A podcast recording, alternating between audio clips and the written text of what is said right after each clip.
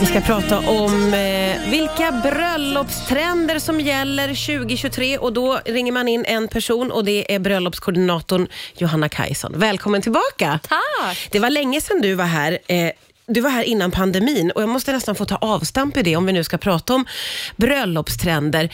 Eh, Har vi tagit något steg åt något håll efter just pandemin? Har det påverkat bröllopen som vi liksom vill ha dem idag? Ja, alltså både ja och nej. För att de som försökte planera under pandemin och fick skjuta på det och dra, skala ner och allt vad det var. Väldigt många av dem insåg ju någonstans att gud, det behöver kanske inte vara så himla stort. Vilka är det egentligen vi vill ha här? Ah. Vil, liksom, vilka är de viktiga? Istället Ja. för att du vet, nu ska vi gifta oss, alla kollegor, alla gamla barndomskompisar, alla ska med, kusiner och alltihopa. Så att eh, de märkte jag, eftersom jag planerar om dem så många gånger, så märkte jag verkligen att de sakta, sakta kokar ner det till så här, vad är kärnan, vad är det viktiga? Okej. Eh, sen eh, är det ju nya brudpar. Nu har ju andra gått och förlovat sig som inte alls var inne och härjade på pandemin. Så Ja. det, har, det känner ju inte de av. Men jag känner generellt att för varje år så ökar budgetarna. Så är det. Mhm. Men jag tycker verkligen att generellt sett så är folk noga med vem ska vi bjuda? Okej. Vilka är det vi vill ha där? Okej, så inte så många som möjligt utan att det är Nej. viktigt vilka som bjuds helt enkelt. Mm, Och det tycker jag är så bra. Ja, det är väl underbart. Det låter ju sunt på alla sätt och vis. Verkligen. Det tycker jag, det ser man och det är ju någonting jag verkligen uppmuntrar. Jag tycker att när man ska göra sin gästlista så ska man sätta sig ner och vet, blunda och bara, vem är det jag vill ha där på den här dagen? Det är de som ska vara på gästlistan, inte Ja. vem borde jag? Nej, ver- verkligen. Och- verkligen. Och så. Och eh, om vi tittar på var man vill ha eh, sitt bröllop, det där är ju, varierar ju naturligtvis. Finns det någon trend i det just nu skulle du säga? Mm, utomlandsbröllopen börjar faktiskt smyga sig tillbaka. Om vi inte tar in lågkonjunkturen och att det liksom klart är, är dyrt och så. Men annars så smyger de sig tillbaka. Vi längtar efter resa efter pandemin såklart. Ehm, så de som vill och har möjlighet, de, de vill gärna utomlands. Ja, just det. Det har man sett lite i sina sociala medier. Det har man, va? oh, Italien, vad Mycket fint. Italien. Ja. Mycket Italien. Och många som kommer. Ah, vi, vi hade tyckt det var mysigt med Italien. Nej, säger du det? Men, ehm, eh, så det är det ena. Och annars i Sverige så mycket utomhus. Just nu är det eh, sommar, utomhus. Mycket Ja. utomhusvigslar. Vad är det man ser framför sig då när man vill ha en utomhusvigsel? Är det liksom na- det natursköna? Är det ängar? Vad, vad är det folk liksom längtar efter när de vill gifta sig utomhus? Ja, det lät ju jättehärligt, både naturskönt och ängar. Eh, Det är olika och där när jag jobbar med mina brudpar så är det det som jag är så noga med. Att det är så här, vad, vem är ni? Vissa är ju liksom skärgård och hav och blått och så. Och andra är mer skog och den typen av natur. Och vissa är som du säger liksom vatten. Alltså vi vill bara vara nära vatten eller ängar eller så. Så det, det är lite olika, men någonstans svensk sommar, det är man ute efter. En, en känsla Det är väl lite grann det som är drömbilden av ett bröllop. Svensk sommar utomhus. Solen skiner och fåglarna kvittrar. Och det är varmt, men inte för varmt. Nej, det är perfekt. Nej, Ja, det nej, det. det är lagom. Det är lagom. Svensk lagom. Vi ska prata vidare om bröllopstrender alldeles strax här på Rix FM. Vi pratar om eh, bröllopstrender. Det är kommentatorn Johanna Kajson som är här.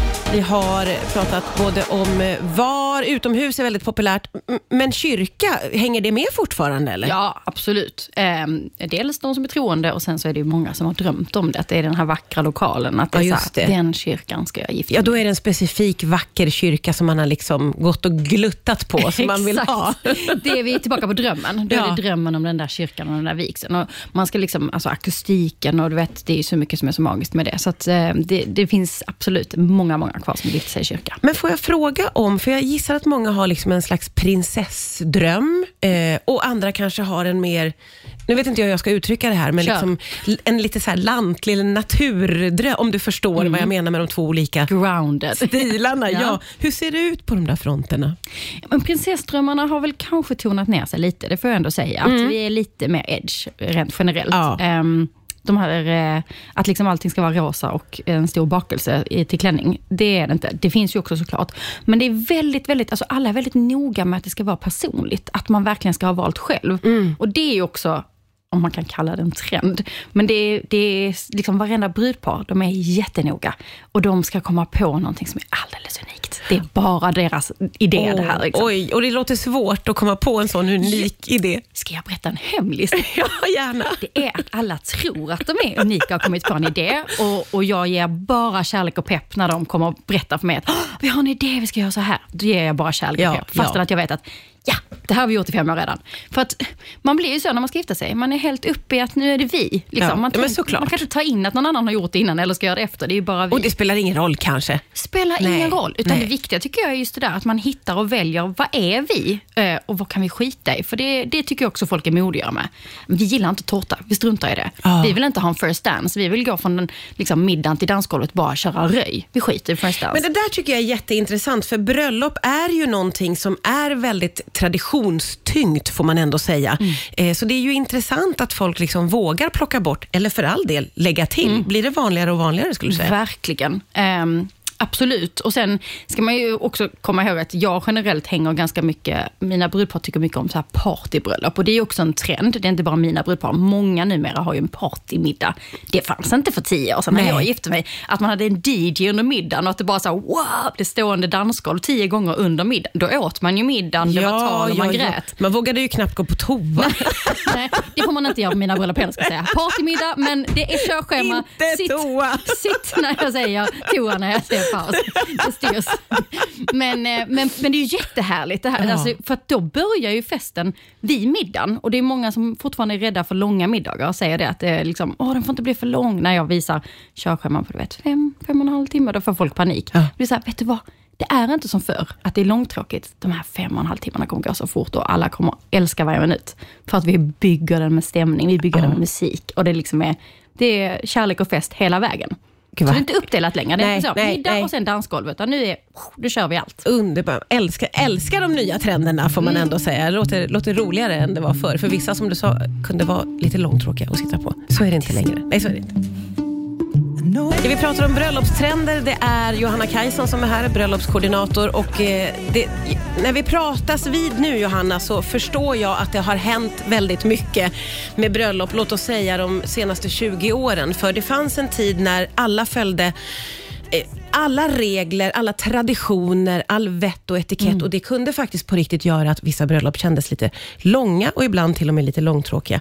Men eh, du har ju ett helt nytt tänk kring hur ett bröllop ska planeras, eller hur? Ja men verkligen. Jag, ska, jag kan sträcka mig till tio år sedan faktiskt. Ehm, jag har ju kört bröllop i 13-14 år. Och Ja. bara de här senaste tio åren har det hänt Ja, jättemycket. det är så. Gud ja. För Ja. tio år sedan så var det fortfarande vet jag, etiketter ganska fyrkantigt och typ man valde en färg som tema och så hade man det på ett sidenband runt liksom, Ja. vet, servetten. Ja. Så, that's it. Liksom. Ja, ja. Nu, är, nu konceptar vi ju. Eh, och jag tycker det är så himla härligt för vi fokuserar väldigt mycket på att det ska vara en dag för alla gästerna. Att det ska vara en kärleksfest, inte bara så brudparets dag där alla ska vara statister och titta på. Nej, typ. nej. Utan vi, vi, vi försöker skapa en upplevelse från att gästerna kommer dit som skruvas uppåt, uppåt, uppåt, uppåt. Med kärlek, leker med känslor, kärlek till varandra, kärlek till brudparet, brudparet ger kärlek till gästerna. Alltså de gör så mycket fina saker för sina gäster. Åh. Och att vi liksom då bara trappar upp den här stämningen låter mot ju eh.